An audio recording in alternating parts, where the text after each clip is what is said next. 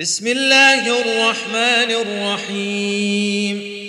والفجر وليال عشر والشفع والوتر والليل إذا يسر. هل في ذلك قسم لذي حجر؟ ألم تر كيف فعل ربك بعاد؟ إرم ذات العماد.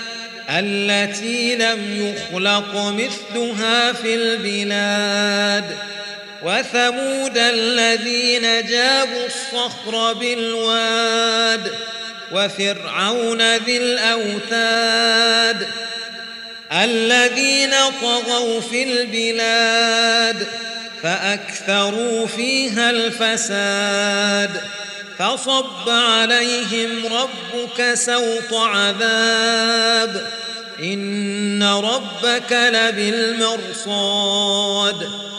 فأما الإنسان إذا ما ابتلاه ربه فأكرمه ونعمه فيقول ربي أكرمن. وأما ابتلاه فقدر عليه رزقه فيقول ربي أهانن كلا بل لا تكرمون اليتيم ولا تحاضون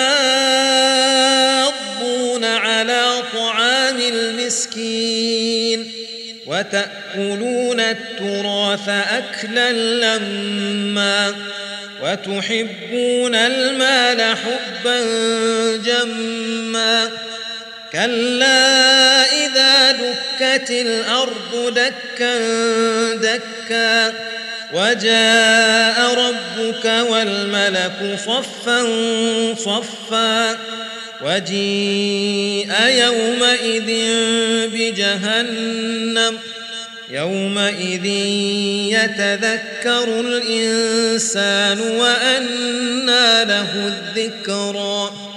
يقول يا ليتني قدمت لحياتي فيومئذ لا يعذب عذابه أحد ولا يوثق وثاقه أحد.